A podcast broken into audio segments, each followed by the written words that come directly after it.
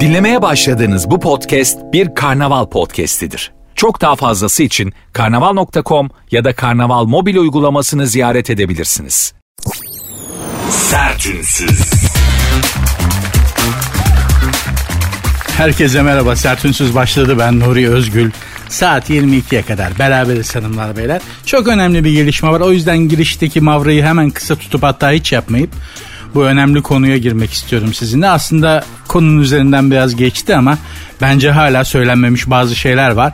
Onları da ben söyleyeyim de bu önemli konuyu aradan çıkartarak kendi gene tekrar makara kukaramıza geri dönelim. Demet Akalın e, bir garsonun başından aşağı bir yerde işte sahne almış da bir şişe şampanya dökmüş. Affedersiniz çok affedersiniz. O şeyi de neden içerler bilmiyorum. Ekşimiş limonata gibi. Bir şişe şampanya dökmüş. Çok tepki aldı sosyal medyada. Vay efendim sen böyle nasıl yaparsın? O öyle bir şey olur mu? Şampanyayı beğenmemişti adamın başından aşağı dökmüş de sen bunu nasıl yaparsın? İşte bu ayıptır bu yapılır mı? Bir emekçiye böyle yapıyorsun. Bu ne saygısızlık? Hiç mi saygın yok? falan. Demet Akalın da açıklama olarak şey demiş. Ya ben bunu 10 senedir yapıyorum. Şimdi niye coştunuz? ben 10 senedir garsonun başından aşağı şampanya dökerim demiş ki çok tepki oldu. Arkadaşlar özellikle Z kuşağı yaşı yetmeyen arkadaşlara söylüyorum. Bu ne ki? Bu ne ki ya? Ben Türkiye'de e, taverna müziği yıllarını görmüş insanım. E, garson ceketi yakma modası vardı. hani garsonun başından aşağı şampanya dökmek değil. Garson ceketi yakıyorlardı. bir hiç duydunuz mu? İnternette var mıdır bilmiyorum. O yıllarda maalesef hani böyle şeyleri kaydedecek ortamlar yoktu. Sosyal medya, internet, Twitter, TikTok falan. Olsa siz kepazeliğin büyüğünü o zaman görecektiniz. Bildiğiniz garson ceketi yakıyorlardı. garson böyle tavernada falan müşteriye servis yapıyor. Ve baba diyor ki çıkar ceketi. Çıkartıyor. Kaç para bu ceket? 10 bin lira. Tamam hesaba ekle diyor. Sonra ceketi ucundan yak- yakıyordu. Hoş diyor böyle yakıyordu. Aa millet de eğleniyordu falan. Hatta iş o kadar ilerlemişti ki garsonun üstündeyken garson ceketini böyle garson servis yapıyor gelmiş. Masaya servis yapıyor işte haydariyi maydariyi bırakırken. Baba alttan garsonun cekete çakmağı yakıyordu. Horror diye bir anda. Böyle tuhaf yıllardan geçtik. Hani Z kuşağı arkadaşlarıma hitap ettim. Çünkü hatırlayanlar vardır o Z kuşağı bilmiyor. Hani teyzeleriniz, anneniz, babanız, amcalarınız işte bizim yaşımızdaki X kuşağı e, olanlar. Böyle bazen sahibini kaybetmiş bekçi köpeği gibi boş boş bakıyoruz ya biz böyle bizim kafa gidiyor. Akünün suyu birden boş oluyor. Heh işte biz bu yıllardan geçtik. bu yıllardan geçtik de bu zamanlara geldik arkadaşlar. Garsonun üstündeyken ceketini yakmak nedir ya? Geri kalan masalar da alkışlıyor ha. Garson marson der. Sonra hesabı ekliyorlar. İşte efendim şu kadar içmişsiniz. Şu kadar işte ye- yemek var. Et yemişsiniz. Haydari, mezeler şunlar bunlar. Bir garson ceketi yakmışsınız. 50 bin lira. Kardeşim garson ceketi 10 bin değil miydi? Ama garsonun üstündeyken yakmışsınız abi. Orada bir fiyat farkı oluşuyor diye. Gerçekten çok enteresandı. Ayrıca mesela şöyle bir saçmalık da vardı. Kadın solistin ayakkabısından şampanya içmek. Böyle bir kepazelik duydunuz mu bilmiyorum ama vardı. Kadın böyle çıkmış şarkı söylüyor. Gökyüzünde yalnız gezen yıldızlar falan. Kadın solist söylerken faça masalardan böyle bir kalantor para babası parayı ağaçtan toplamış hayali ihracattan özel zamanları hayali ihracattan büyük tokat yapmış baba böyle para balyayla hanımefendiciğim ayakkabınızın sahtekini rica etsem diyordu işte kadın solist eğer gerçekten sanatçı değilse o sağ tekini veriyordu. Baba ona dolduruyordu anzorotu. Kafaya dikip kadına buyurun hanımefendiciğim falan diye. Böyle yıllardan geçtik biz. O yüzden bu Demet, Demet Akalın'ın yaptığı nedir ki? Anaokulu aktivitesi.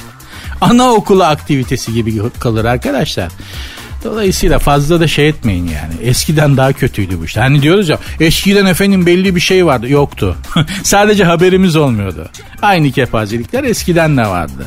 E, Maxim Gazinosu'nun kulisinde işte kadınlar, kadın solistler çok ağır e, kostümler giyiyorlar ya onu giymek zor. Yani bir daha çıkarmak mümkün değil. Çok zaman alıyor. Çünkü şıngır şıngır şeyler işte bir sürü kopçası var, iğnesi var.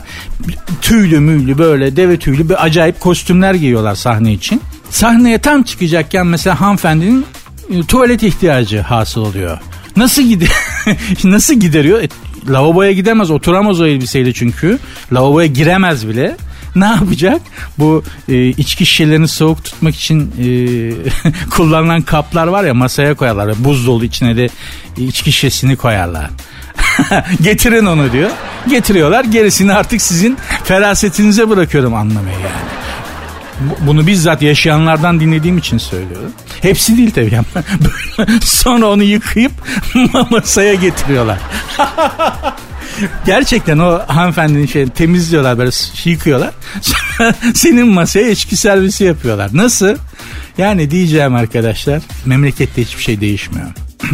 Her şey olan şeyler tekrar ediyor. Sadece onları yaşayanlar farklı. Yani bizim bu yaşadıklarımızı aynısını daha önce annelerimiz, babalarımız, dedelerimiz de yaşadı. Ama neyse içimizi karartmayalım hanımlar beyler. Programın Instagram ve Twitter adresini vereyim. Belki mentionlaşmak istersiniz benimle mümkün. Zaten aynı Instagram ve Twitter adresleri programın. Sert unsuz yazıp sonuna iki alt tere koyuyorsunuz. Benim Instagram adresim de var. Nuri Ozgul 2021. Sertünsüz. Gerçekten gerçekten göne bugün önemli haberler üst üste yağıyor arkadaşlar. E, Master Chef'te Master mı deniyor buna? Master mı deniyor? İngilizce gramerim olmadığı için bilmiyorum. Master Chef'te gizlice arkadaşının kıymasını almış. Yarışmacılardan Melih diye biri kıyma bulamayınca bu acı gerçek ortaya çıkmış. Vallahi dalga geçmiyorum haber böyle. bu acı gerçek ortaya çıkmış. Somer Şef diye biri bu olaya tepki vermiş. E, işte TV8'de yayınlanıyor biliyorsunuz Acun, Acun Ilıcalı'nın e, kanalında. Gereksiz ne kadar program varsa bir zamanlar Flash TV vardı. Şimdi e, TV8, TV8 buçuk var galiba. Onlar bu misyonu üstlendiler. İşte yarışmacılar şey yemek yapıyorlarmış da yarışmacılardan biri kıyma bulamamış da Melih'in kıyması kaybolmuş. Sonra e, Melih hazırlayıp denen kıymayı bulamıyor. Somer Şef kıyman kayıp mı demiş. O da demiş ki evet kayıp demiş. Meğerse yanındaki arkadaşı çaktırmadan kıymasını yürütmüş. Somer Şef buna çok şaşırmış. siz bir siz bir şey anladınız mı? Biri öbürünün kıymasını almış da hazır kıymaymış da yani burada olan nedir? Hakikaten ben anlamadım. Kıyma nasıldı? Dana kuzu karışık mıydı? Köftelik miydi? Yemeklik miydi? Somer şef kim? Niye bu kadar kızıyor? Bütün bunlardan bize ne? Ayrıca bu şeflerin havası ne? Babacım alt tarafı yemek yapıyorsunuz Allah aşkına ya. Sanat değil atomu parçalamıyorsunuz yapmayın. Leonardo da Vinci basmamıştır sizin bastığınız havayı. Yemek sanat falan değildir yapmayın ya soğanı domatesi doğrayıp yağla kavurup üzerine malzemeyi koyuyorsun. Bitti yemek dediğin şey bu. Yok tabağa süslemeler yok işte balzamik sirkeler bilmem kaç derecede marine et. Nimet bu kadar kurcalanmaz yapmayın ya. Allah'ın gücüne gider kardeşim. Nimetle bu kadar oyun oynanmaz. Valla ben yemek yerken çok iyi hatırlıyorum. Babamdan en çok fırçayı sofrada yerdim. Sofra adabına uymadığımız zaman. Kaşıkla böyle yemeği biraz karıştırınca kurcalama yemeği diye hemen babamın ses tonu yükselir. Ye. Allah göndermiş önüne kadar. Beğenmiyor musun? Ne karıştırıyorsun yemeği falan diye babamdan çok ağır fırça yerdim. İşçi adamdı. Günde 10 saat böyle motor, gemilerin motor at, e, bölümlerinde dizine kadar suyun içerisinde bize yemek parası kazanmaya, ekmek parası kazanmaya çalışıyordu. Dolayısıyla da nimetin hakkını biliyordu. Son, Soner Şef çok kızmış ama. Dikkat edin kızdırmayın. Kimse de kimsenin kıymasını almasın kardeşim. Zaten kıyma alacak halimiz mi kaldı? Ama ete %25 indirim geldi. Et, et kurumu öyle bir müjde vermiş. Ete %25 indirim geldi diye. İnşallah gelmiştir. Sertünsüz. Ankara'da dolandırıcıları dolandıran 3 şüpheli yakalanmış arkadaşlar. Gerçekten ülke bazen böyle bir karikatüristin çizdiği karikatür gibi, sitcom gibi oluyor. Dolandırıcıyı da dolandırmışlar. Yani 71 yaşındaki MN'yi isminin yolsuzluk soruşturmalarında geçiyor diye kandıran dolandı. Bu arada bu e, dolandırıcılardan biri pişmanlık yasasından faydalanıp cezasını da biraz yattıktan sonra çıktı ve nasıl dolandı? İşte bu terör örgütü hesaplarınızı ele geçirdi. Adınız işte Ergenekon dosyasında geçiyor diye yaşı belli bir yaşın üstündeki insanları kandırıyorlar ya. Meğerse bunların kriterleri varmış. Diyor ki 12 Eylül darbesini, ihtilalini ve öncesini görmüş insanları seçiyorduk. Çünkü onlar işte polisten mesela polis telsizini duyunca ben onunla telefonda konuşuyordum kandırmak için. İşte efendim e, hesaplarınızı terör örgütü ele geçirdi. Banka hesabınızdan bir miktar para çekip bize getirmeniz teröristleri yakalamamız için gerekli falan diye konuşurken arkadan diyor bir polis sesi diye bir polis telsiz sesi çıkar ya. Onu duyduğu zaman diyor eli ayağı boşalıyor diyor ki çok haklı. Şimdiki karakolları şimdi, karakollar eskiden şimdiki gibi değil ki. Karakollar şimdi misafirhane. Eskiden karakola İstanbul'da düşerdin. Hakkari'de cesedini bulurlardı. Şaka yapmıyorum 12 Eylül'den öncesinden bahsediyorum. Mesela iletken olduğunu, insan vücudunun iletken olduğunu sana bir fizik dersi verir gibi karakolda öğretiyorlardı. İletkenlik dersi değil mi? Yani hepimiz aşina olduğumuz bir ifade iletkenlik. İnsan vücudu iletken midir değil midir? Karakolda en iyi orada öğrenir. Çünkü gelene elektrik veriyorlardı abi. abi ben ehliyet sınavı için evraka gel. ya gel yavrum gel hazır elektrik gelmişken. Çünkü ülkede elektrik de yoktu. Sürekli cereyan kesiliyordu. Arkadaş ben de onu anlamıyorum ya. Ülkede sürekli cereyan kesiliyordu. Günde 6 saat 7 saat elektrik olmuyordu evlerde falan. Karakolda elektrik hiç kesilmiyordu ya. Gelene basıyorlardı. Va, diye. Oh böyle. Sanayi cereyanı değildi Allah'tan. Şehir cereyanı veriyorlardı. Tabii. Daha neler neler. Şimdi burada söyleyemeyeceğim. Daha neler neler. İşte diyor bunları görmüş ve yaşamış insanları kandırıyorduk. Çünkü onlar bildikleri için ve kodlarına bu korku işlediği için onları kandırmak çok kolaydı diyordu. Biz de diyoruz ya bunlar bunların içinde profesörler, mimarlar, mühendisler, milletvekilleri falan var. Bu insanlar nasıl aldanıyor? Genlere işlemiş korku meslek, toplumsal statü dinlemez. Alıverir adamın aklını. Alıverir adam. Neyse işte bir, bu dolandırıcıları da dolandıran başka bir dolan, dolandırıcı yakalanmış. İşte hapse konulacakmış. Buradan ben rica ediyorum yetkililerimize, sayın devlet büyüklerimize lütfen bu dolandırıcıları dolandıran arkadaşı hapse atmayalım. Şimdi kızacaksınız olur mu falan adam sonuçta hırsız diye. Bence bu zekadan bu şeytani zekadan devletimizin lehine milletimizin lehine faydalanalım. İnsan harcamak çok kolay. Böyle parlak zekalar her zaman her yerde yetişmiyor. Zaten bakın memleket bazı konularda da çok ileri gitti. Hani çok eleştiriyoruz. Çok geri kalite erozyonu yaşanıyor. Memleket biraz geri kaldı falan filan diyoruz ama bazı konularda da çok ileri gittik arkadaşlar. Çok geliştirdik kendilerini. Ha ilim irfan bahsinde değil. Bilim bahsinde değil ama kolpa, kıtır, dolandırmak falan bambaşka bir yerdeyiz. Gerçekten zirveyi biz temsil ediyoruz yani. Şunun şu kadarını söyleyeyim arkadaşlar. Ben bu dolandırıcıları dolandıran arkadaşın hapse konulmasına karşıyım. Bunlar değerli zekalar. Gerçekten hemen kızmayın. Dolandırıcı da hapse konulmaz mı? Nasıl devletin milletin lehine kullanacağız falan diye anlatacağım bebeğim. Anlatacağım. Sakin. Yeni bestelenmiş tezahüratı ilk dinledikten sonra hemen söylemeye çalışıp rezil eden tribüne besteyi yapan tribünün seslendiği gibi sesleniyorum size. Önce dinle. Adam dolandırıcıları dolandırmış mı? Evet. Atma bunları hapse. Al bunları koy dış işlerine. Dışişleri Bakanlığı'na gerçekten. Yavrum ne? Şu Miçotakis'i görüyor musun? Bak bu Yunanistan'ın başındaki adam. Evet babacım. Tokatlı onu de. bu var ya 12 adaları bu adam dolandırıcıları dolandıran adam 12 adaları tapusuyla üstümüze alır. Arada Yunan yarım adasını Mora falan oraları da alır üstüne. Buna de ki yani hapse atıp ne yapacaksın? Çürüyecek. Ama de ki bak şu Emmanuel Macron'u görüyor musun? Bak fotoğrafı bu. Evet. Bu adam Fransa Cumhurbaşkanı. Evet abicim. Arakla bunu. Emmanuel Macron'u 500 kişilik Fransız parlamentosunda orta yerde konuşma yaparken belinden pantolonunu alırlar. Macron dahi duymaz. Bu adamlar böyle adamlar. Bunlardan böyle faydalanalım hariciyede yani. Irak'ın, Suriye'nin, İran'ın, Rusya'nın üstünde sal bunları. Ondan sonra geç kenara seyret. Lütfen ya. Biz hariciyede çok steril takılıyoruz. Diplomaside. Gerçekten öyle. Gerek yok. Kolpacı mümkün olduğu kadar kolpacı istihdam edeceksin. Bak Amerika'ya, Çin'e, İngiltere'ye, dışişleri bunlar böyle çok şey yani janti görünürler ama bunlar kolpacının vay babamcının önde giden abi. Biz bu insanları niye hapse? Yakaladın mı yakaladın. Koy hariciye de yetiştir. Sal dünyaya tokatlasın herkes ya. Biraz da biz böyle çalışalım yeter ya. Programın Instagram ve Twitter adreslerini veriyorum. niye niye böyle verdiğimi bilmiyorum ama birden böyle bir içimden size Instagram ve Twitter adreslerimi vermek geldi. Konuyla alakası yok. Sert unsuz yazıp sonuna iki alt tere koyuyorsunuz arkadaşlar. Sert unsuz yazıp sonuna iki alt tere koyuyorsunuz. Benim Instagram adresim de Nuri Ozgul 2021. United Kolpa. Sert unsuz. Eski eşi Ahu'ya yaralar. Adı kadının adını söyleyemedim. Özür dilerim.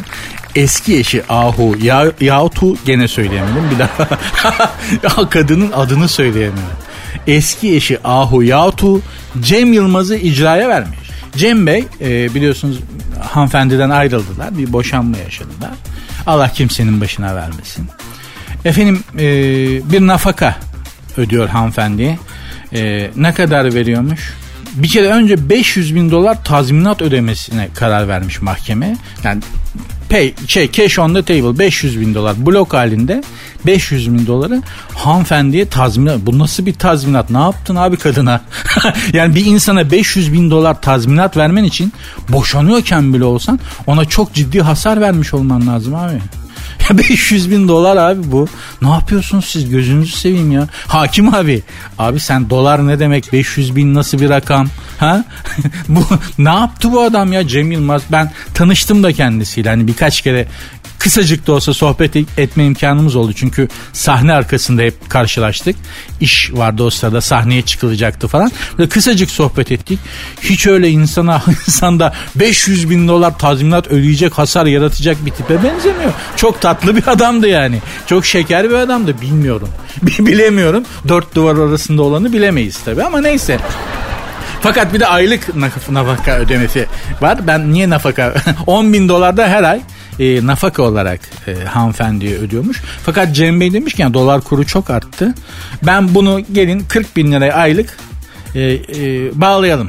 Ben demiş ödeyemiyorum yani. Bu sonuçta pandemi var. Sahneye çıkamıyorum. Ben de bir yere kadarım. Bu 10 bin dolar çok. Ben her ay 40 bin lirayı vereyim. 40 bin lira.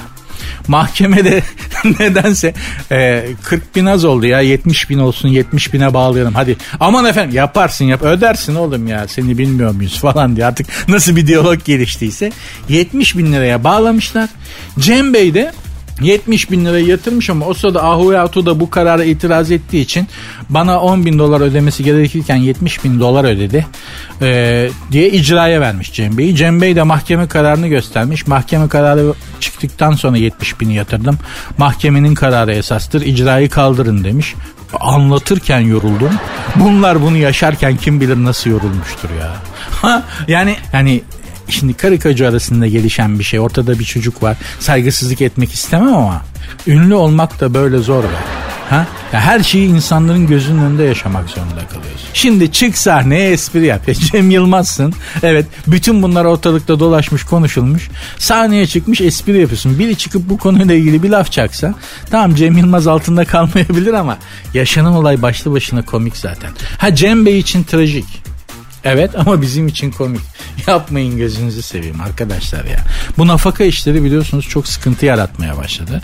Özellikle mesela e, bütün hanımları tenzih ederim ama bir de nafaka avcısı diye tanımlanan kadınlar var. Var yani böyle kadınlar. Olmasa var demeyiz.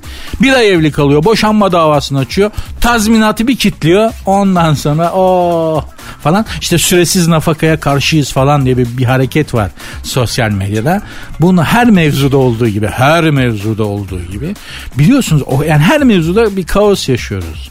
Bu nafaka mevzusunda da bir kaos yaşanıyor. Ya arabaların cam filmleri biliyorsunuz koyu renk cam filmi bir ara yasaklanmıştı. Arabaların camlarına koyu renk film yapıştırmayı emniyet de buna şey yapmıştı ve demiştik yani arabanın içini göremiyoruz. Kim var göremiyoruz. Bu koyu renk camlar kaldırılsın falan. Sonra araba üreticileri ve nedense arabanın içinde otururken görünmek istemeyen insanlar itiraz ettiler. Lobileri de kuvvetliydi. Onlar itiraz ettiler. Emniyet bastırdı. En son Cumhurbaşkanı bu işi çözün dedi de mevzu çözüldü. Zaten Türkiye'de böyle bir şey var yani. Cumhurbaşkanımız bu işi halledin demeden hiçbir iş hallolmuyor. Gerçekten öyle. O CİMER'e giden falan dilekçeleri bir görseniz var ya ağlarsınız. Gerçekten memlekette tek çözüm odağı, tek çözüm noktası Cumhurbaşkanlığı makamı oldu. Maalesef yani. Cumhurbaşkanı da bununla mı ilgilensin? Ha? Senin arabanın cam filmiyle mi ilgilensin? Putin'le mi uğraşsın? Biden'le mi uğraşsın? Bilmem neyle mi uğraşsın be abicim? Ama yok bu hale geldi maalesef. Buradan da bürokrasiye seslenmek istiyorum. Babacım biraz çalışın. Çalışanları var da çalışmayanlar. Mesela Rütük mükemmel çalışıyor. Değil mi? Rütük ben de hani bir medya kuruluşunda e, işi yaptığım için diyorum harika çalışıyor. İşini yapıyor. Ama her bürokrasi ve her bürokratik kurum böyle değil. Güzel bağladım sonunda. güzel bağladım. Kabul edin güzel bağladım. Zarar görmeden çıkarım bu anonstan ben. Sertünsüz. Ee, iç çamaşırı partisini hak ettiler demiş. Kim demiş? Kim diyecek? Aleyna Tilki demiş. Aleyna aslında A'yı biraz uzatmak gerekiyor. Aleyna Tilki iç çamaşırı partisini hak ettiler demiş. Efendim sosyal medyada iç giyimiyle üzerinde sadece iç giyimiyle fotoğraflar paylaşmış bu çocukcağız. Sonra da çok tepki almış insanlardan. Utanmıyor musun? Ay olur mu böyle kaç yaşındakısın bak aa ne kadar ayıp çok tepki almış. Aa bak çok ayıp olur mu yakışıyor mu bak genç kızsın böyle iç giyimle fotoğraflar falan filan diye. Aleyna Tilki de onlara demiş ki Bunlar demiş sahte muhafazakarlar. Lafta böyle söylüyorlar. Kendileri kim bilir neler yapıyor falan.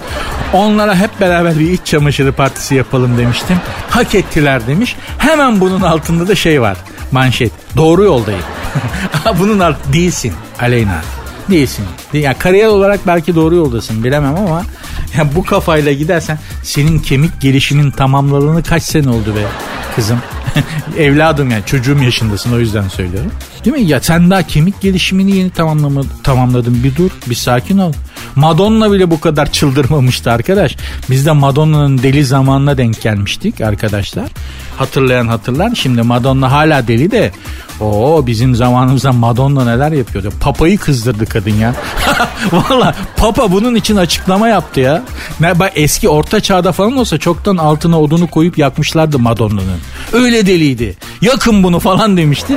Madonna'yı cayır cayır yakmışlardı orta çağda falan olsaydı. Öyle deli bir kadındı yani Madonna. Aleyna Tilki onun deliliği yanında hava gazı. Ama yine de bizim kalibremize, bizim çapımıza göre nedir efendim? Olmaz. Olamaz. O kadar da değil çocuğum yani. Değil mi? Sen kız çocuğusun. Biraz daha dikkatli ol. Bu zamanda gerçi erkek çocukların daha dikkatli olması lazım. Gerçekten. Öyle düşünüyorum yani. Eskiden kız çocuklarına değil mi çok özen gösterdik. Aman kız çocuğudur, kız evlattır, işte şöyledir, böyledir falan. Bu zamanda erkek çocuklar daha büyük tehlikede. Detayını da vermem, veremem yani. İçim el vermez zaten rütük var. Başka bir magazin haberine gelip akünün suyunu boşaltmaya devam edelim. Bülent Hanım, Bülent Ersoy 24 e, milyon TL'ye ev almış. Ev toplam masrafıyla işte 50 milyon TL. Evi alıyor. Eve 24 milyon TL veriyor. Ve bir o kadar da masraf yapıyor eve. E, parası var. Çalışıyor Bülent Hanım. Çok çalışkan bir kadın. Parası var yapar. Ama bir eve 50 milyon TL verip aldıysan sen evi almamışsındır. Ev seni satın almıştır ya. Değil mi? Ya 50 milyon veriyorsun bir eve. O ev seti seni satın al. Bir daha söylüyorum hemen. Yani bir para veriyorsun. 50 milyon lira veriyorsun. Ev alıyorsun. Ha, ev seni almış. Farkında değilsin. Artık o, o eve çivi çakamazsın ya. Ben resm anamın babamın resmini duvara asmak için çivi çakmaya içim el vermez. 50 milyon vermişim abi. Deli misin ya?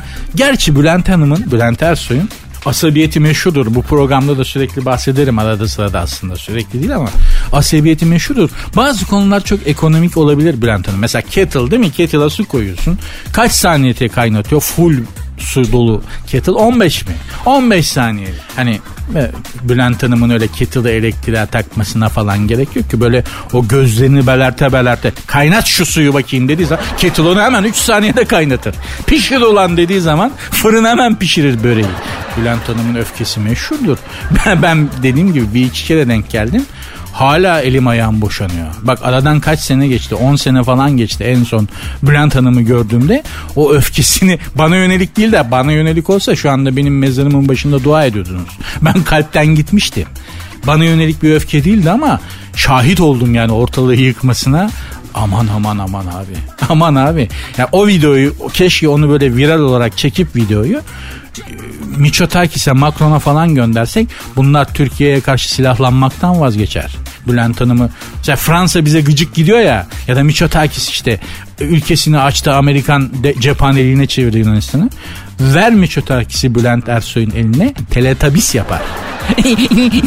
falan diye böyle ortalıkta teletabis gibi gezer. Bülent Hanım o dolayısıyla da hani 50 milyon verdim sana falan dediğiniz zaman ev kendi kendine dekore olur zaten. Allah düşmanıma vermesin. Düşmanıma vermesin. Çok sert kadın. Ben çok korkuyorum. Yani korktuğum çok az insan vardır hayatta. Bülent Hanım onlardan biri. Kesinlikle çok korkuyorum yani. Programın Instagram ve Twitter adresini hatırlatıyorum. Abi sık sık hatırlat dediler. Utanma dediler. Bu devir öyle bir devir değil. Söylemezsen olmaz dediler. Söylüyorum hanımlar beyler. Ay ne tatlı çocuk ne de güzel anlatıyor. Aferin bakayım dur bir şunun moralini düzelteyim. Bir şeyler yazayım deyip e, tweet ya da Instagram'dan bana ulaşabilirsiniz. Zaten aynı adresler. Sert unsuz yazıp sonuna iki alt tere koyuyorsunuz. Ya da ya ne saçmalıyor bu açmışlar değil saçma sapan gev gev. Şuna biraz yazayım bir fırçamı atayım falan. Moralini bozayım o da olur. O da olur. Bu da bir fikirdir. Hürmet ederiz. Benim Instagram adresim de var. Nuri Ozgul 2021. Sertünsüz. TikTokçuya, TikTok mı deniyor aslında buna? Neyse işte TikTokçuya özenen sahte yolcular. Şöyle bir üçkağıt açıyormuş bu YouTuber'lar, e, işte Instagram fenomenleri. İngiltere'nin en işlek hava yolu biliyorsun. Heathrow meşhur. Bütün dünya oraya iner, oradan dağılır falan. Çok meşhur bir havaalanıdır Heathrow. Çok güzel de şey olur. Üç, e, kapkaç Valla acayip hırsızlık döner Heathrow'da. Heathrow'a inecek olan varsa ilk defa falan e, ceplere dikkat, cüzdanlara dikkat, pantolon kemerlerine bile dikkat. Ya İtalya'da İtalya'da beni hasbel kader bir e, cepçiyle tanıştırırlar. Bu metroda falan işte to- toplu taşımalarda cüzdanını çekiyor milletin şusunu busunu. Napoli'de bak Napoli'de yeri de söylüyorum. Adam sıkışık metroda metrobüste ayakta gidiyorsunuz ya erkeksiniz. Ayaktasınız eller havada öbür el dolu falan pantolon kemerlerini çalıyormuş adamları.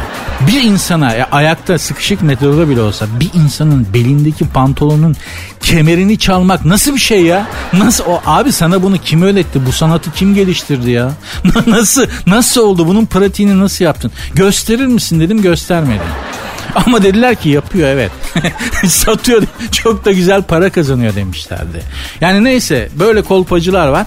İşte bu kolpacılardan bunlara rahmet okuyacak daha büyük bir kolpacılar çıkmış. Bunlar sosyal medya fenomenleri biliyorsunuz İngiltere'de uçaklar inmiyor kalkmıyor bavullar yığılıyor personel bulamıyorlar havaalanında çalıştıracak. Uçuşlar gecikiyor bavullar kayboluyor falan. Bu uzun uçak kuyruklarında beklememek için bu sosyal medya fenomenleri bir üç kağıt geliştirmişler arkadaşlar. Kendilerine engelli süsü veriyorlarmış. Dışarıdan tekerlekli sandalyeyle gelip havaalanına kadar tekerlek sandalyeye oturuyor. Ee, işte engelli yolculara öncelik tanınıyor doğal olarak. Ee, bunlar engelli gibi efendim kuyrukta beklemeden uçağa alınıyormuş ya. Yaz. Şimdi bakın Allah hiçbir şeyi boşu boşuna yaratmaz. İnananlar böyle inanır değil mi? Yani her şeyin var olma sebebi bir sebebi vardır varoluşun. İnanmayan arkadaşlar için de söylenebilir. Aynı şey onlar için de geçerli. Bir şey varsa mutlaka var olma sebebi vardır. Çünkü neden? Sebepler dünyasında yaşıyoruz. Yaşadığımız boyut neden sonuç ilişkisi diye çalışıyor. Yani önce neden bir sebep lazım bir şeyin olması için. Mesela ne? Cam kırıldı. Neden? Çünkü e, taş e, taşı cama attım. Yani bir neden var. Camın kırılmasının nedeni ne? Benim cama taş atmam. Önce taşı atıyorum sonra cam kırılıyor. Ha kuantuma girersek mesela başka boyutlarda bunun tersi işler. Sonuç nedene döner. Önce cam kırılır sonra taş atılır. Ya da mesela şimdi bu bizim yaşadığımız boyutta sistem nasıl işliyor? Balık tutuyorsun. Önce ne yapıyorsun? Denize oltayı atıyorsun sonra balık tutuyorsun. Başka boyutlarda bu tersine de çalışabiliyor. Önce balığı tutuyorsun sonra oltayı atıyorsun. Ya abi nasıl oluyor falan. Ben anlıyor muyum ki? Okudum kuantumla ilgili bir yerde size satıyorum. Yoksa benim kafada olur mu öyle şey falan diyorum da bizim yaşadığımız boyutta neden sonuç ilişkisiyle çalışıyor. Peki bu işte bunu buna nasıl bağlayacaksın diyeceksiniz. Bağlayacağım. Her şeyin var olma sebebi var demiştim. Mevzu oradan gelmişti. Hatta mevzu şuradan geldi. Bazı sosyal medya fenomenleri İngiltere'de uzun uçak kuyruklarında beklemek için e, tekerlekli sandalyede kendilerine engelli süsü vererek kuyrukta beklemeden uçağa alınmak için tekerlekli sandalyeye oturarak havaalanına gidiyorlarmış. Ben de dedim ki her şeyin bir varoluş sebebi var. Meşe ağacını düşünelim. Budaklı meşe odununu düşünelim arkadaşlar. Budaklı kalın meşe odunu. Dünyanın en sert odunlarından biri. Bunun var olma sebebi ne sizce? İşte bu haberi okuyunca ben anladım. Allah meşe ağacını neden yaratmış? İşte bu böyle tipler için. Vallahi gerçekten. Abi şiddet falan işte yakışıyor mu sana? Ya yakışmıyor eyvallah ama arkadaş kaşınanı da kaşıyacaksın ya. Gerçekten kaşıyacaksın. Şimdi bu adamı hapse atsan olmaz. Bu hapiste de TikTok videosu çeker. Ya sen sen nasıl böyle bir şey kullanabilirsin ya? İnsanlık çok güzel vicd, insanlık vicdanı çok güzel bir şey geliştirmiş değil mi? Problemi olan, işte engelli olan, yürüyemeyen, gözleri görmeyen insanları uçağa normal sağlık sağlıklı tam insanlardan e, önce alıyoruz. Bu çok vicdani, çok güzel, çok güzel. Ya sen bunu niye kullanıyorsun ya? Ya işte meşe odunu bu yüzden var arkadaşlar. Beyzbol sopası bu yüzden var. Beyzboldan önce gerçekten ya içimden geldi söyleyeceğim kızanlar alınanlar rütük mütük hani dokunuyorsa Zülfiyar'e özür dilerim ama ben meşe odununun Allah'ın bu yüzden yarattığını düşünüyorum artık. ekleyeceksin bunlara. Bunlara ekleyeceksin. Çünkü bu da bir eğitimdir. Bu da bir eğitimdir. Kimisi böyle öğrenir. Yani okuldan falan bahsetmiyorum eğitim derken. Biz dayak yedik öğretmen. Ben öğretmenlerimden dayak yedim. Çok mu şey oldum? Oldu mu aslında? Vallahi bak. yani yediğim öğretmenlerimden yediğim e, dayakları düşünüyorum. 2-3 kere tokat yemiştim öğretmenimden. Bende çalıştı. Çok özür dilerim ama bende işe yaradı bak. İtiraf ediyorum ya bende işe yaradı. Ha, okullarda dayak olsun demiyorum ama şunu söylüyorum ya bende çalıştı. Vallahi çalıştı. Konuyu tekrar şeye bağlıyorum. Budaklı meşe odunu işte böyle tipler için yaratılmıştır diye düşünüyorum. Sizin fikrinizi de merak ediyorum. Bana yazarsanız Instagram'dan, Twitter'dan buradan okurum, öğrenmiş olurum. Sertünsüz devam ediyor.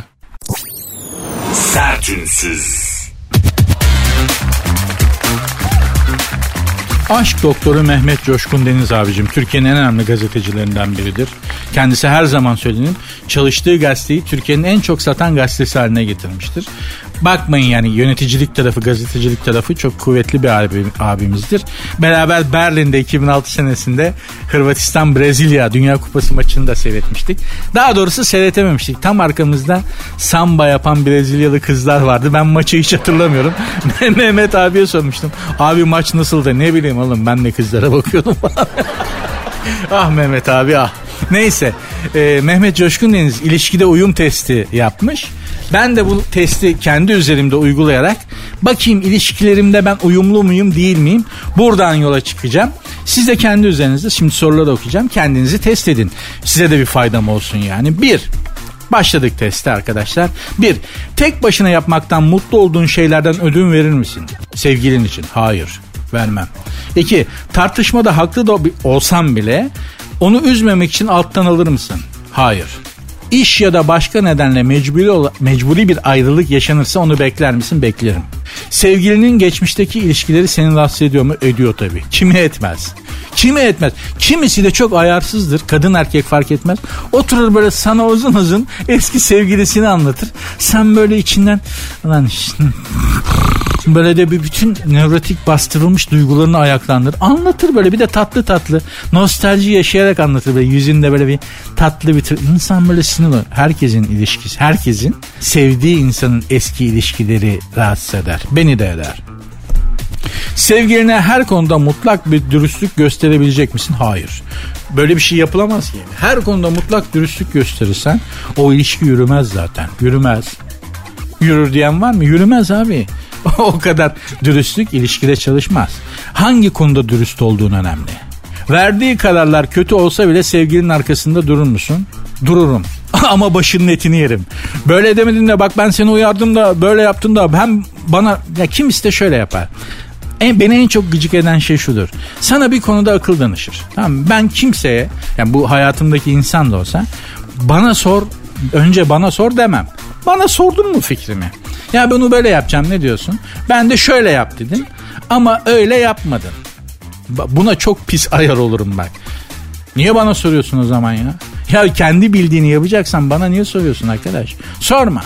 Ancak benim dediğimi yapacaksan bana sor. Yani sana bu konuda bir akıl danışacağım ve sen ne diyorsan onu yapacağım. Söyle yavrum. Şöyle şöyle yapayım mı? Hayır böyle böyle yap. Tamam hayatım. Bitti en güzeli bu. Yoksa bildiğini yap. Ama başın netini yerim. Tekrar söyleyeyim yani. Sana söylediğimde bana sorduğunda ben sana söyledim beni dinlemedin bak böyle oldu öyle oldu derim. Derim yani kusura bakmasın. Ee, sevgilin ailenle ya da arkadaşlarınla ters düşerse kimden yana yaralırsın? Beni bu duruma düşecek, düşürecek insanla sevgili olmamaya gayret ederim. Yani beni kendisiyle başkalarının arasında bırakacak ve bir tercih yap. Ya onlar ya ben ya o ya ben diyecek birine zaten direkt sen değilsin derim yani. Az gelişmişlik şeyidir bu. Maddi sıkıntılarda ona yardım eder misin ya da ondan yardım alır mısın? Ona yardım ederim, ondan yardım asla almam. Bunu ona hissettirmem bile. E, maddi durumda maddi sıkıntım olduğunu ya da hissettirsem bile asla onun parasını almak istemem. Yanında sevgilim olmadığında bir başkasının gösterdiği ilgiliye karşılık verir misin? Abi terazi burcuyum ya. Çok özür dilerim. Flört benim hayatım. Bazen farkında olmadan flört ediyorum. Şimdi açık açık söylüyorum yani. flörtöz, fritöz değil. Flörtözsün ya. Burcun mu? Terazi. Herkes de flört eder. Hiç kimse yoksa etrafında aynanın karşısına geçer kendiyle flört eder terazi. Böyle bir şey. Ama bu afacanlık aldatmak anlamında değil yani. Gerçekten terazi flört eder. Yapacak bir şey yok. Sevgilin iş nedeniyle başka şehre yerleşirse onunla gider misin? Gitmem. Evet gitmem. Sonuçlara bakıyorum. İğrenç bir sevgiliyim. ben bile kendimden tiksindim şu anda. Berbat bir... Benden harbiden sevgili olmazmış ya. Aa. Mehmet Coşkun Deniz'e çok teşekkür ediyorum. Bana beni fark ettirdi adam yahu. Gerçekten berbatmışım ya. Şuraya bak. Yanında sevgilin olmadığında bir başkasının gösterdiği ilgiye karşılık verir misin? Kim vermez ya? Ya belli bir düzeyde verirsin tabii. Verirsin yani. Hani ilginin de nasıl gösterildiğine bağlı. Neyin ilgi olarak neyin gösterildiğine bağlı yani. Tatlı bir flörtöz oluyor maalesef. Ben de istemem ama oluyor arkadaşlar. evet gerçekten berbat bir sevgiliymişim. Ee, hayatıma girmiş çıkmış ve girecek olan herkesten peşinen özür dilerim. Bunu da dinleteceğim hepsine. Bu anonsu hayatıma girmek üzere olan bütün insanlara ya da giren insanların hepsine bak ben buyum diye bunu dinleteceğim arkadaşlar. İnşallah siz başarılı bir sonuç elde etmişsinizdir. Ben edemedim. Benden sevgili olmazmış yani. Arkadaş olurmuş. Ben onu anladım bu şeyden. İyi arkadaş olurum. Ama kolay katlanılabilir bir sevgili olmadığımı fark ettim. Allah hayatıma giren insanlara sabır versin. Ne diyeyim onların da işi zor. Zor yani. Sertünsüz. Jetgiller diye bir dizi vardı arkadaşlar. 60 yıl önce yayınlanmaya başlamıştı Amerika'da. Türkiye'de yayınlandı. Benim çocukluğumda da yayınlanmıştı. Ben de izlediğimi hatırlıyorum. Jetgiller. O Jetgiller'in bir babası vardı. Çizgi film bu. George Jetgill'in doğum gününü kutlamış bütün dünya. O 60 yıl önce gelecekte geçen bir diziydi bu. Ve 60 yıl önce bugün kullandığımız teknolojilerin pek çoğunu bu çizgi diziyi hazırlayanlar hayal etmişler. Mesela bu dizide bu çizgi filmde gördüğümüz ve olur mu ya öyle şey falan dediğimiz pek çok şey gerçek olmuş. Neymiş onlar? Dediğim gibi 60 yıl önce yayınlanmaya başladı. Bakın o zamanlar ne hayal edilmiş ve bugün gerçek olmuş. Uçan otomobiller yapıldı yapılıyor. Bizde de aslında prototipi uçuruldu diyebiliyorum. Robot hizmetçi, 3 boyutlu gıda, dronlar, hap kamera, hologram, akıllı ayakkabı, akıllı saat, jetpackler hani bu sırtına böyle bir şey takıyorsun suya giriyorsun böyle su püskürtüyorsan denizin üstünde havada gidiyorsun jetpackler falan. Ondan da ne keyif alıyorlar bilmiyorum ama akıllı ayakkabı, dijital gazete, robot süpürge ve uzay turizmi bunlar hep 60 yıl önce jetgillerde öngörülmüş arkadaşlar. Gerçekten de ben de hatırlıyorum mesela akıllı saatleri e, jetgillerden akıllı saatleri hatırlıyorum. Dijital gazeteyi e, robot hizmetçi çok meşhurdu. Kendi başına bir karakterdi. Robot hizmetçiyi de hatırlıyorum. İki tekerlekli yürüyen bir ayağı vardı hatta böyle robot hizmetçinin falan. Çok tatlı bir şeydi. Ben de en çok robot hizmetçiyi severdim dizide pek çok aslında gelecekte geçen pek çok dizide gelecek çok doğru hayal edilebiliyor. Simpsonslar diye bir çizgi dizi vardı hatırlarsınız hala oynatılıyor. Donald Trump'ın siyasi kariyerinin tamamını adamlar daha gerçekleşmeden çizgi dizide, çizgi filmde göstermişlerdi. Başına gelecek her şeyi yani. Bizim yaptığımız mesela gelecekte geçen Turist Ömer Uzayda filminde de hatırlarım rahmetli Sadri Alışık bilgisayara, kompütere, uzay gemisinin bilgisayarına spor toto sonuçlarını sormuştu. Bilgisayar da spor toto sonuçlarını veriyordu. Aa dur falan Mr. Spock engel olmuştu spor toto sonuçlarını kaydetmesine falan. Bu teknolojik şeylerle maalesef bizim altyapımız şeyle gelişti. Fil, filmlerde gördüğümüz, dizilerde gördüğümüz kullanım şekilleriyle gelişti. Yani bilgisayarı biz ilk önce dizilerde ve filmlerde gördük Türkiye'de bilgisayar diye bir şey yoktu. Filmlerde ve dizilerde gördük. Ya banka cüzdanının daktilo ile yazdırıldığını hatırlıyorum ben. Yani bankaya gidiyordun işte banka cüzdanını yazdıracaksın. Değil mi? Ba- hesap hareketlerini deftere kaydettireceksin.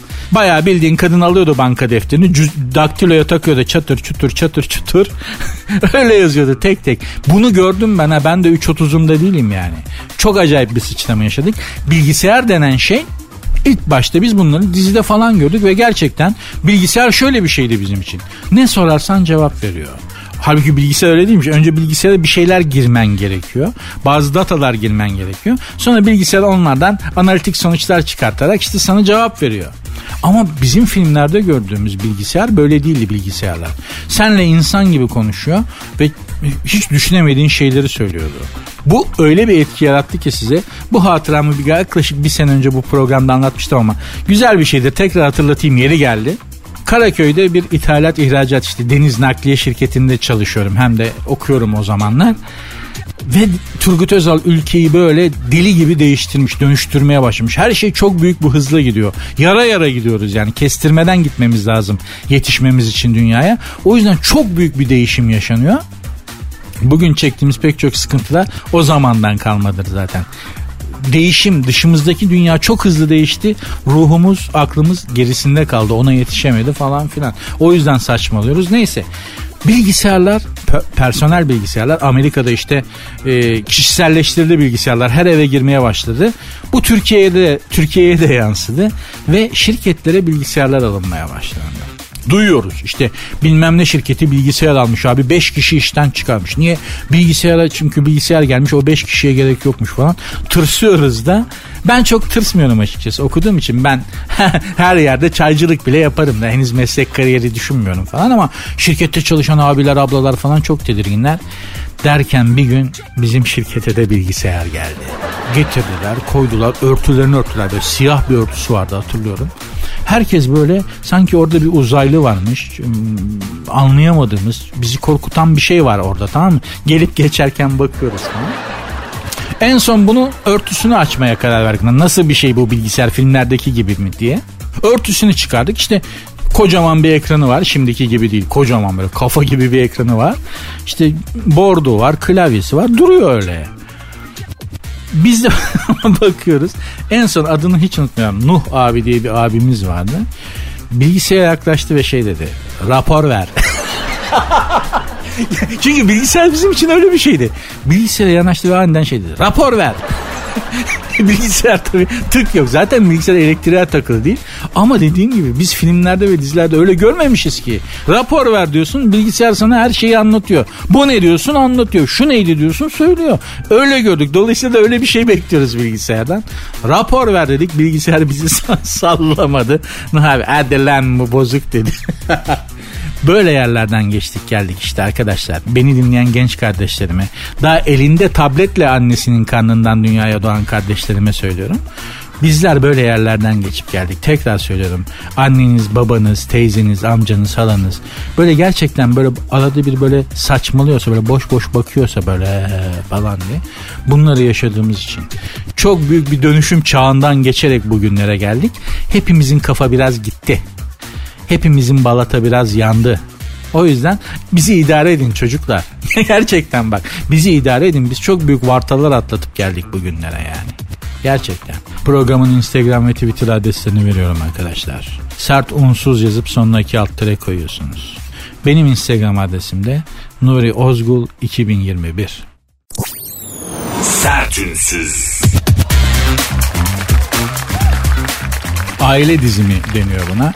3-4 kuşak önce sizden 3-4 kuşak önce ailenizden birilerinin yaşadığı travmaları devraldığınız öngörülüyor. Yani şöyle düşünün.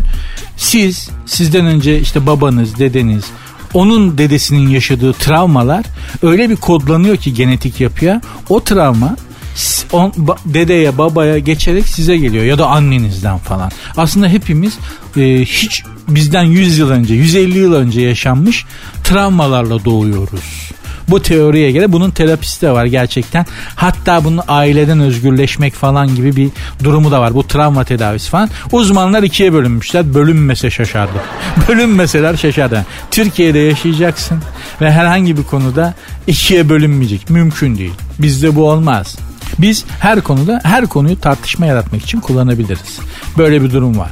Neyse işte uzmanlar da ikiye bölmüşler. Birileri diyor ki bu saçmalık hiç bilimsel değil. Öbürleri diyor ki yo gayet bilimsel ama çok uzman kişiler arasından yapılmalı. Kendi hayatımı gözden geçiriyorum. Yaşadıklarımı, travmalarımı. Ya benim dedem dedelerim ne yaşadınız be abi siz ya? yani şimdi dedelerimi de böyle hitap et hitap etmek istemem, saygısızlık yapmak istemem ama abi hiç mi güzel bir şey yaşamadınız gözünüzü seveyim ya? Nasıl bahtsız bir genetik koddan geliyorum ben? Kendi hayatımı, travmalarımı eğer bunları miras aldıysam bu teori doğruysa abi nerelerden geçtiniz? Hiç mi başınıza iyi bir şey gelmedi? Hiç mi güzel bir şey yaşamadınız ya? Hep mi stres, hep mi gerilim? Hep mi böyle bir hani empati şu bu falan. Vay arkadaş ya. Kötü oldum bak. Ya bir de bu kötü bir şey değil mi ya? Bir hayat yani bir çocuk düşünün dünyaya geliyor ve önünde hayat bomboş bir sayfa olarak görüyoruz değil mi? Meğerse o sayfalar aslında yazılıymış. Bomboş bir sayfa değilmiş hayat bu teoriye göre. Allah hepimizin sonunu hayretsin arkadaşlar. Bu bilimin de bu kadar ilerlemesi çok iyi olmadı galiba. Yani baksana ya neler öğreniyoruz neler diyoruz. Şimdi ben benden 150 sene önce yaşamış dedeme niye ayar olayım ya? Değil mi? Adama beni niye düşman ediyorsunuz? Adını bile bilmiyorum. Adını bile bilmiyorum. Pek çoğumuz da öğrenemedi biliyorsunuz. Nüfus müdürlüğüydü galiba açtık kayıtları. Herkes ulan hiç kuşak önce dedem neymiş acaba Osmanlı paşası mıymış neymiş bir bakayım falan dedi. Herkesin dedesi maraba çıktı. Memlekette bir tane Osmanlı paşası bir tane bilmem ne bir tane böyle bir yere gelmiş bir adam. Senin deden ne abi ya işte bizim memlekette çiftçiymiş bizim memlekette e, gündelikçiymiş falan. Hepimiz maraba çıktık ya. Ayıp değil ama yani hani öyle çıktık diyeceğim arkadaşlar. Bari biz travmaları devraldık ama bizden sonrakilere mümkün olduğu kadar travmaları temizleyerek bir hayat bırakalım diyeceğim. Hani sen temizlesen üstüne yenisini ekliyorlar be arkadaş.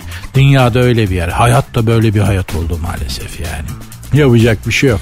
Mümkün olduğu kadar vitesi küçük viteste devir ya, yüksek devir yapmamaya çalışın. yani artık böyle anlatayım ne diyeyim yani. Vites küçükse hayatınızda küçük viteste gidiyorsanız gaza fazla abanmayın abi. Balatayı yakarsınız.